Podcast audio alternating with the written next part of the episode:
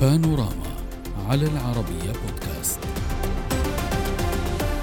بعد يوم من المنافسة الشرسة على مقعد الرئاسة في تركيا بين المرشحين البارزين رجب طيب أردوغان وخصمه رئيس المعارضة كمال كليتشدار أوغلو خرجت نتائج الاقتراع بعدم نجاح أي من المرشحين في تجاوز عتبة الخمسين في المئة المطلوبة للفوز بالسباق بخلاف ما نشرته غالبية استطلاعات الرأي التي توقعت قبل الانتخابات سباقا انتخابيا متقارب النتائج لكن مع تقدم طفيف لكليتشدار أوغلو الذي يرأس تحالفا من ستة أحزاب وقد تزيد الأغلبية التي حققها حزب أردوغان في البرلمان من فرصه في الفوز في الجولة الثانية من التصويت لتجنب انقسام في المؤسسة التشريعية. وعن المرشح الثالث والذي سنناقش تفاصيله فيما بعد الرئاسة نتحدث عن سينان أوغان والذي حصل على 5.2% فقط من الأصوات. قال إنه مستعد للتفاوض مع أردوغان وكليتشدار أوغلو لدعم أحدهما في الجولة الثانية من الانتخابات. نتائج الانتخابات بمجملها ومرحلة الانتظار التي دخلتها تركيا تكشف وفق رويترز انقساما عميقا في المجتمع التركي الذي يشهد مفترق طرق سياسي. ونقلت رويترز عن خبراء أتراك احتمالية أن يمنح الوقت المنتظر لحين عقد الجولة الثانية وقتا كافيا لأردوغان لإعادة تجميع صفوفه. نناقش هذا الموضوع مع ضيوفنا من اسطنبول جواد جوك المحلل السياسي. من اسطنبول كذلك الدكتور مهند حافظ أوغلو الباحث في الشأن التركي والعلاقات الدولية. من باريس الدكتور خلدون النبواني الباحث السياسي. ومن واشنطن الدكتور وليد فارس الخبير في السياسة الخارجية الأمريكية. أهلا بكم ضيوفي الكرام. سينان اوغان يقول بأنه سيتفاوض مع الجانبين على أساس المبادئ وليس المكاسب ولكنك منذ قليل أستاذ جواد جواد قلت بأنه عن معرفة بالشخص تتوقع أنه سيصوت أو سيدفع مؤيديه للتصويت لأردوغان. دكتور مهند هل تعتقد بأن سينانوغان سيدعم أردوغان في المرحلة المقبلة؟ وإن قال بأن المبادئ ستتفوق على المكاسب ما المبادئ التي يمكن أن يلتقي بها أو من خلالها مع أردوغان؟ سؤال في غاية العمق وربما يبدو لي هناك لدي طرحا مختلفا عما هو متداول بأن تحالف الجمهور وتحالف الشعب أي أقصد هنا أردوغان وكمال كليشتار أوغلو ومن خلفهم ومن خلفهما. وكأنهما يبحثان عن هذا الجوكر الانتخابي ليكسبان المعركة الانتخابية ويحسمان الأمر. أنا أرى الأمر وأقرأ الأمر بطريقة مختلفة. يبدو لي أن سنان أوغان ينتظر بل ويتلهف ويتشوق لأن يطلب منه تحالف الجمهور بقيادة الرئيس أردوغان أن يطلب منه إعطاء أصوات التي قدمت له أو نصفها له. هذا أمنيته الكبيرة. ولكن لا يبدو لي بحكم تمارسنا بالرئيس أردوغان ومعرفتنا بشخصيته وبطريقة تفكيره وشخصيته القوية العنيدة هو يريد أن يكون رئيسا الرقم الثالث عشر للجمهورية التركية من خلال صناديق الاقتراع المباشرة. من دون حاجة إلى وسيط يتكئ عليه ليكون رئيسا. يريد أن يكون رئيسا قويا حتى في الانتخاب. وبالتالي لن يضطر إلى الذهاب نحو سنان أوغان إلا إذا أرى أن الأمور لن تحسم بأي حال من الأحوال إلا إذا كان هناك أصوات طيب داعمة من أسأل في هذا الإطار وحتى لو كان ذلك دكتور مهند. ليكمل فقط السؤال فضل. السؤال فضل. الجواب على سؤالك أي. ما ما ما ما التقاطعات التي بينه وبين الرئيس أردوغان أي. ليس بينه وبين الرئيس أردوغان وحزب العدالة والتنمية بقدر ما هي من حزبه الأم حزب الحركة القومية التي يمكن أن نج- يجدوا لها لها صيغة معينة لتحويل أصواتهم إذا ما ارتأى الرئيس أردوغان بأنها آه، آه، الحل الوحيد الأوحد مم. خليني أسأل فقط آه، حضرتك تشكك إن كان أردوغان سيعتمد على هذه الوساطة أو لا. آه، أسألك آه، سيد جواد وباختصار آه، تكرمت. حضرتك قريب من الشخص وقلت حتى تحدثت حتى عن قرابة بينكما. تتحدث عن دعمه لأردوغان عن قراءة عن يعني طريقة آه، فهمت بها هذا الشخص أم أن هناك فعلا حديث عن أنه سيتوجه لدعم أردوغان؟ لا هو يريد أن يقترب من أردوغان لكن هنا مشكلة أساسية لا يعرفها أحد. يعني ليس متداولا في الإعلام. أن حليف أردوغان وهو دولة بغشالي من حزب الحركة القومية هو لا يريد سنان أوغان أبدا. لأن سنان أوغان هنا كان في حزب دولة بغشالي وكان منافسا له وكان يريد أن يسيطر على الحزب وطردوه من حزب الحركة القومية. نعم. فهو اتفق مع الآن آه، تحالف الأجداد وغير ذلك. يعني عندما هو يريد أن يقترب من أردوغان ولربما دولة بغشالي هو يمانع أردوغان أن يقبله. هذا أولا. وثانيا أنه في هذه المرحلة الآن تبدأ التفاوضات. من شخصية كمال كلشتار أوغلو نعرف أن هذا الشخص شخص آه، يعني لا يصرح تصريحات نارية ضد أحد ولسانه لسان لين جدا. فهذا يقدر أن يجذب سنان أوغان بشكل أو آخر. لكن المشكلة الأساسية حزب الشعوب الديمقراطية أعلنوا الدعم لكمال كلشتار أوغلو والكل يعرف ذلك أنهما متفقان. الآن سنان أوغان وأتباعه قوميين متشددين جدا. نعم. هل هؤلاء سوف يقبلون كمال كلشتار أوغلو اتفاقه مع سنان أوغان؟ علما أن وراءهم حزب الشعوب الديمقراطية. هنا المشكلة الأساسية لننتظر لقاءات ومفاوضات بين صحيح. الجانبين حتى نرى آه، النتيجة. أسبوعان سيكونان يعني أسبوعان آه، مليئان آه، بالحوارات مدة طويلة, نعم. مدة طويلة في السياسة طبعا خاصة أننا نتحدث عن جولة ثانية مفصلية. ولكن اسمحوا لي أن نشرك كذلك معنا العين الخارجية من باريس وكذلك من واشنطن.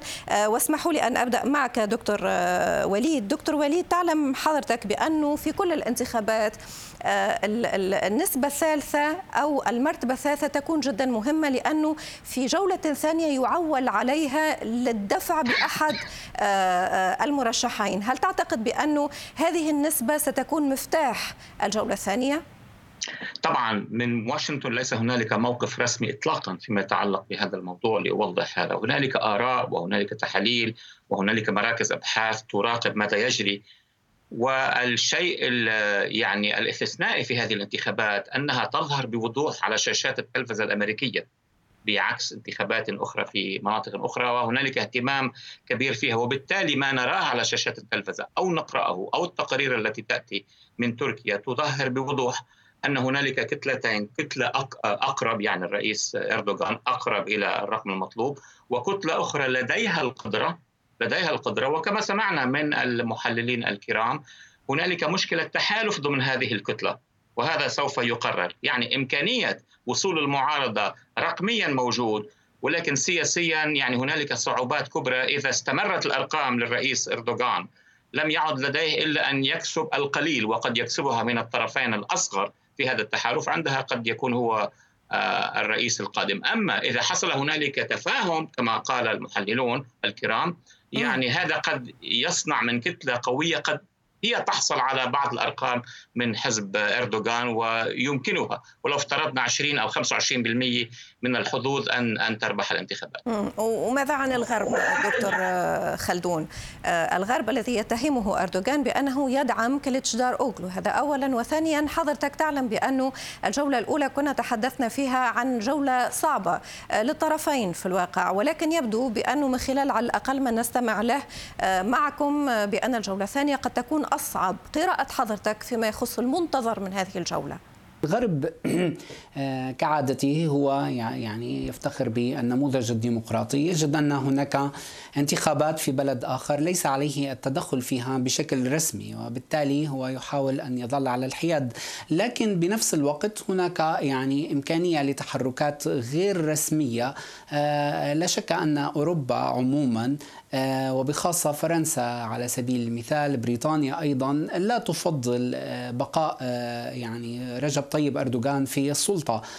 كان هناك توتر كبير ما بين أردوغان والأوروبيين عموما سواء في اليونان سواء في قبرص وبخاصة مع يعني الرئيس الفرنسي ماكرون ووصل الأمر إلى حد يعني تبادل التلاسن حتى والشتائم أحيانا واتهام كل شخص للآخر ب يعني بطريقة غير دبلوماسية وبالتالي الغرب ليس ليس يعني لا يفضل آه، بقاء من يسميه بالرجل الإسلام السياسي رجل الدولة العثمانية يفضل عليه دون شك التقاليد الأتاتوركية الغربية أو المتأوربة إذا صحت التسمية يفضل عليه دون شك كمال كليجدار أوغلو نعم. ولكن ماذا بإمكان الغرب سواء الأوروبي أو الأمريكي أن يفعل. يعني سمعنا تصريح الرئيس الأمريكي آه، بايدن ليفوز من يفوز المنطقة مليئة بالمشاكل هناك. ولكن يعني هذا التصريح الذي يبدو غير مبالي أيضا أظن أنه يعكس يعني أو يخفي آه، بالأحرى آه، عدم رغبة على الأقل الديمقراطيين في أمريكا بفوز أردوغان. يعني جاء بايدن إلى السلطة وهو يحمل خطابا ضد أردوغان. لكن السياسة الخارجية التي على ما يبدو أردوغان أجاد اللعب فيها سواء مع أوروبا سواء مع أمريكا وحتى التفافاته السياسية وتغيير لمواقفه ومحاولة التصالح وتهدئة الكثير من الجبهات يعني جعل جعل له اليد الطولى وبخاصة لو أخذنا بعين الاعتبار القضية نعم. الأكثر آه، يعني بروزا على الساحة الآن وهي الحرب الأوكرانية وموقف الغرب غير الراضي عن موقف أردوغان الذي رفض العقوبات على على روسيا الذي لم يعني يبدو بشكل واضح أنه لا يصطف مع الناتو في في الحرب آه، آه، في في أوكرانيا يعني هو آه، هناك تبادلات تجارية كبيرة ازدادت بعد الحرب بين روسيا وتركيا وبالتالي هناك الكثير من القضايا التي تجعل أوروبا على خلاف ألمانيا التي يبدو أنها بسبب وجود الكثير من الأتراك يعني على أرضها تظل حذرة في في هذا الموضوع صحيح. لكن إن سمحتي لي ريم فقط يعني فضل. هناك هناك وبسرعة يعني يعني شخ أو يعني شيء لم يتم الحديث عنه وقد يكون أهم بالنسبة للمرشحين من سنان أوغان وهو نسبة العشرة بالمئة التي لم تصوت وهي أكثر من 10% بالقليل.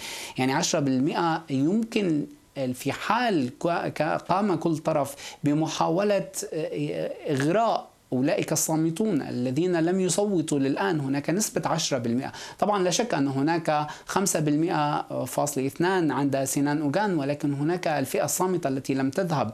والذي يمكن أن تتوجه إلى صناديق الاقتراع لحسم آه، الجولة القادمة. إذا هناك مهمة كبيرة تقع على الطرفان الآن في الدعاية الانتخابية الجديدة نعم. لكلا الطرفان.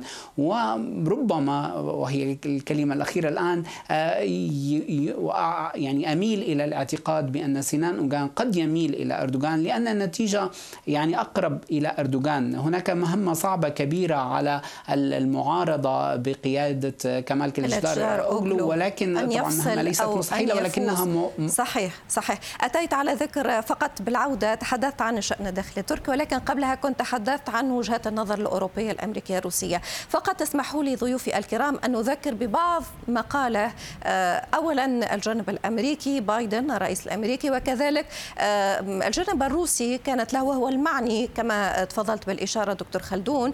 آه، هذا مقاله بخصوص انتظارات روسيا من هذه الانتخابات. نتابع ومن ثم نعود. الانتخابات التركية التعليق الروسي والأمريكي. الكرملين التعاون مع تركيا سيستمر بغض النظر عن الفائز بالانتخابات. بايدن وبتصريح مقتضب ليفوز من يفوز. أعود من جديد إلى ضيوفي. دكتور مهند هل الملفات الخارجية تؤثر على الداخل التركي من حيث التصويت؟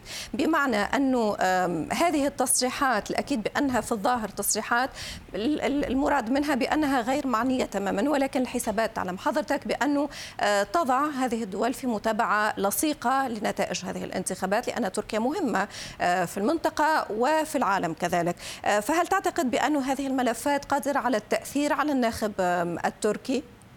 آه، العلم السياسي يقول لنا أن السياسة الخارجية مؤثرة بالداخلية والعكس صحيح وبالتالي مواقف الدول آه، الخارجية من هذه الانتخابات ومهم ومهم للغاية. ربما كانت الدول الأوروبية والولايات المتحدة الأمريكية آه، تماطلان في الكثير من الملفات مع تركيا إلى موعد الانتخابات. لعل أو كانت تكون الانتخابات تأتي بما تريده رياحهم ولكن يبدو أنهم أمام خمس سنوات أيضا صعبة آه، يتعبهم فيها الرئيس أردوغان من جديد تكثر لاءاته آه، في وجههم يضع تركيا في استقلالية وفي سياسة خاصة لا تستطيع أي دولة إلا أن تلعبها إلا تركيا.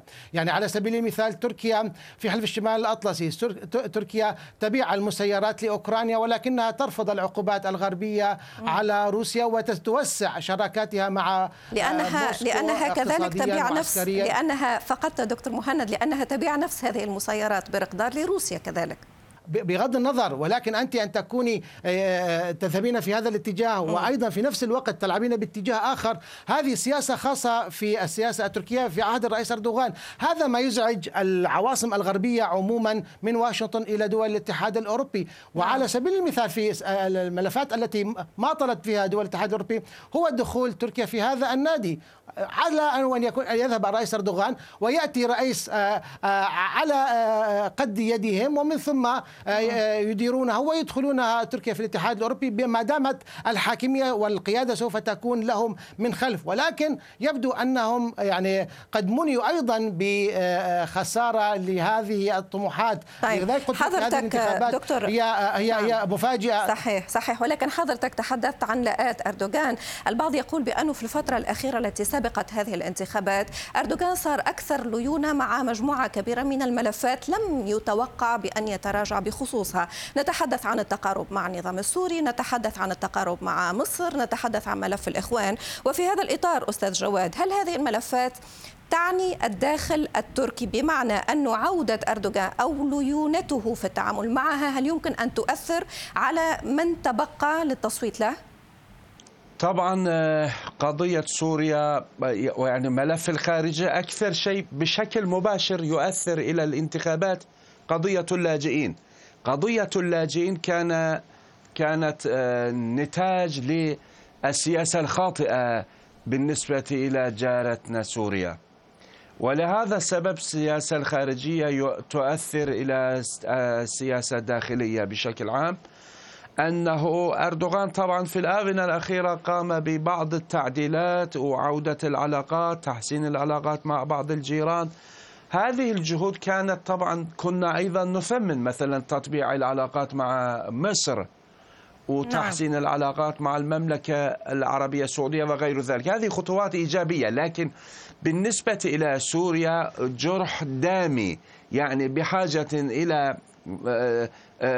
يعني مداوى سريعة. يعني آه، بالنتيجة نزيف دم لا زال مستمر والحال في داخل تركيا إلى متى نستمر مع اللاجئين بهذا الشكل؟ ولهذا السبب آه، أحد أسباب تراجع شعبيته وازدياد القومية فيما بين الشباب خاصة في تركيا آه، قضيته قضية اللاجئين. بالنتيجة عليه أن تعيد النظر بالنسبة لحل هذه القضية وأيضا ملفات الخارجية الأخرى. وإلا مثلا علاقاتنا مع الاتحاد الأوروبي علاقات سيئة جدا. لا بد أن يكون هناك حل. ولا نحتاج إلى تصريحات نارية تجاه الجيران بشكل عام. لكن آه، بصراحة يعني في الآونة الأخيرة القومية خطابات القومية النارية مشت مع الأسف الشديد نعم. أحد الاتهامات إلى المعارضة هنا أيضا التعاون مع الإرهابيين واستنادا إلى إرهابيين وغير ذلك على الحكومة التركية أن تقوم بخطوات جادة تجاه الجيران بشكل عام وإلا المواطنين يعانون من مشاكل عدة بالنسبة إلى دول أجنبية. نعم. دكتور خلدون هل تعتقد بأن هذه الملفات استخدمها أردوغان آه، لصالح الانتخابات؟ نتحدث عن مصر نتحدث عن النظام السوري نتحدث حتى عن برودة في التعامل مع ملف اللاجئين. ليس هناك تحرك أو على الأقل هذا التحرك يعني تراجع في فترة ما قبل هذه الانتخابات.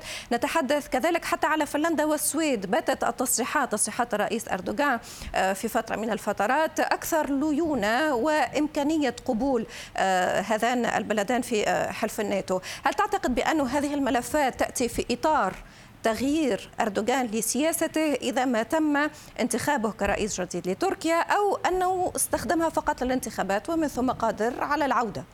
يعني جزئيا نعم هناك ملفات آه، كانت آه، طازجة من أجل الانتخابات آه، ملفات أخرى كانت في محاولة للعودة إلى الساحة بقوة محاولة لإصلاح الوضع الاقتصادي نتيجة التضخم نتيجة ارتفاع أو انخفاض سعر الليرة التركية. هناك ملفات كثيرة استدار بها أردوغان في يعني كان على علاقات متوترة ونارية حتى سواء مع مصر مع دول الخليج أو بعض دول الخليج العربي آه، مع أوروبا بشكل أساسي وبخاصة مع اكتشاف الغاز في حوض المتوسط آه، ومشكلة الحدود المائية. الكثير من الملفات التي أراد التهدئة فيها. الملف السوري تحديدا يأتي ضمن ملف اللعبة الانتخابية بالنسبة لأردوغان. آه، أردوغان طبعا ملف اللاجئين كان قد استخدمه عدة مرات فيما تسميه دول أوروبا بالابتزاز بملف اللاجئين. كان يهدد بفتح الحدود وقد فعل ذلك أكثر من مرة. آه، أو أيضا محاولة آه، يعني وضع نوع من الفاصل ما بين أكراد سوريا وأكراد تركيا عبر توطين اللاجئين أو ما يسوينه يسميهم كذلك. لكن على المدى القريب ليس هناك إمكانية للتفاهم المباشر ما بين أنقرة ودمشق يعني. وهذا ما جعل بشار الأسد آه، يعني يطلب في البداية قبل أن يأتيه الأوامر الروسية بالتهدئة نعم. مع مع تركيا بعدم الدخول آه، في نقاش مع مع تركيا قبل الانسحاب الكامل من الأراضي السورية، تركيا الآن ليست مستعدة لأن تترك هذه الكعكة حينما آه، بدأت الأمور تتغير، لا شك أن لديها مصلحة الآن في في القضية السورية. ولكن موضوع اللاجئين موضوع مهم جدا. كان مطروح على طاولة المفاوضات آه، كان ورقه بيد المعارضة وأراد أردوغان تخفيف في مثل هذا الموضوع. يعني أن يقول بأننا سنعيد اللاجئين ولكن آه، يعني ليس بشكل آه، إكراهي آه، ليس وبالتالي ليس هناك يعني كان يقول بأنه من غير الإنساني أن يتم إعادة اللاجئين وبالتالي هو يلعب هذه على هذه الورقة. وحتى موضوع التجنيس تجنيس السوريين بشكل أو بآخر فيما يخص موضوع الانتخابات. وبالتالي الآن أيضا موضوع سنان أوغان وطلبه بعدم التساهل في ملف اللاجئين ربما أيضا يقدم مزيدا من التنازلات في هذا الموضوع. لكن على المدى البعيد لا أعتقد أنه في حالة قد نجح أنه منفتح تماما كما بدأ على ملف تطبيع العلاقات مع دمشق هكذا بشكل مجاني. هو لديه الكثير من يعني المصالح في سوريا ولن نعم. يتراجع بمثل هذه السهولة وهذه الليونة التي بدأت هي من أجل الانتخابات برأيي على الأقل في الملف السوري. دكتور فارس نرى بأن الملفات جدا عديدة ومعقدة كذلك فيما يخص علاقة تركيا بجيرانها وكذلك علاقة تركيا حتى بالمنطقة وبالقوة الكبيرة في العالم ومن بينها الولايات المتحدة الأمريكية برغم هذه الملفات المعقدة والجد حساسة بايدن كان له تصريح وتابعناه منذ قليل القليل. يقول فيه ليفوز من يفوز بمعنى أنه وكأنه مش فارقة معاه إن كان فاز أردوغان أو كليتشدار أوغلو هذا الظاهر آه، وهناك حسابات أمريكية أخرى آه، أم حقيقة تركيا لا تأتي في أولويات الإدارة الأمريكية؟ لو سمحت لي أن أقوم بسرعة بجولة أشرح تقريبا ما هي المواقف العملية لمختلف مواقع في معسكر بايدن نعم. يعني في هذا المعسكر هو قال ما قاله أنه ننتظر الانتخابات ولكن تحت موقف بايدن هنالك ثلاثة مراكز قوى هنالك البنتاغون هنالك الخارجية وهنالك الحزب الديمقراطي البنتاغون متمسك بالعلاقة الأمريكية التركية يعني ايا يكن الرئيس الآتي ولكن عنده تقليد إنه من يحافظ على القواعد الأمريكية ومن بإمكاننا أن ننسق معه في سوريا وفي أماكن أخرى يجب المحافظة عليه، هذا موقف ليس رسمي ولكن تقريبا معروف من قبل محللين آه، وزارة الدفاع، الخارجية قلقة، الخارجية تختلف، هي تقول إنه لقد جربنا كثيرا العلاقة مع حكومة الرئيس إردوغان لسنوات والآن كما تفضل المحللون عندكم هنالك مشكلة موقف الرئيس إردوغان وحزبه من موضوع الصراع في في أوكرانيا، يعني هنالك نظرة في وزارة الخارجية أنه حكومة الرئيس إردوغان تتعاطى مع كل الأطراف المخاصمة للولايات المتحدة الأمريكية على الرغم من وجود تركيا في الناتو. الصوت الوحيد الذي يذهب باتجاه آخر في كل الناتو هو هو في في أنقرة. ثالثا الحزب. الحزب موضوع آخر. الحزب الآن يتأثر بالجناح اليساري. ولا يخفى على أحد أنه الجناح اليساري في الحزب الديمقراطي هو في موقع دعم مباشر للجناح اليساري والإصلاحي وحتى القومي في آه، في السياسات التركية، اذا هم لم يخفوا أنهم يعارضون الرئيس إردوغان ويؤيدون ولكن نعم. لا قدرة لديهم أن يتدخلوا في هذه الانتخابات، وأخيرا بسرعة بالنسبة للجمهوريين مقسومين إلى اثنين. الذين هم مع الشركات الكبرى التسلح إلى ما هنالك ومراكز الأبحاث المحافظة هؤلاء يفضلون إردوغان الجزء الآخر هم أكثرية في الكونغرس من المحافظين أيضا ولكن هم يعني يقلقون جدا من العلاقة مع الإخوان المسلمين وكل هذه المسائل هم يعارضونه إذا هنالك مواقف كثيرة في واشنطن. والموقف الرسمي هو عندما تحصل الانتخابات سوف نحدد موقفنا أكيد. هذا بالنسبة للموقف الأمريكي. ماذا عن الموقف التركي سيد جواد؟ بمعنى أنه ما الأنسب للأتراك كليتشدار أوغلو أو أردوغان في تعاملهما مع الإدارة الأمريكية؟ أردوغان نعلم سياسته كليتشدار أوغلو تصريحاته نفهم منها على الأقل منطقه السياسي. سيد جواد؟ يبدو بأن ضيفي. طيب سنتوجه بنفس هذا السؤال لك دكتور مهند تفضل. يعني آه، على الأقل الرئيس أردوغان آه، له شخصية مستقلة ويريد أن يجعل من تركيا ولادة جديدة في مئويتها الأولى آه، في حين أن كمال كريشتار أولو على الأقل إن قلنا أنه يحسن التنظير هل يحسن الفعل؟ يعني شخص لم يدر أي آه، مقر أو أي بلدية أو أي آه، حي في أي مدينة في إسطنبول. ليست لديه خبرة في إدارة أمور صغيرة لكي يترقى إلى أن يدير دولة بحجم تركيا. بمعنى الدولة التركية دولة آه، ثقيلة. آه، ليست آه، لا أعني هنا الثقل الجغرافي.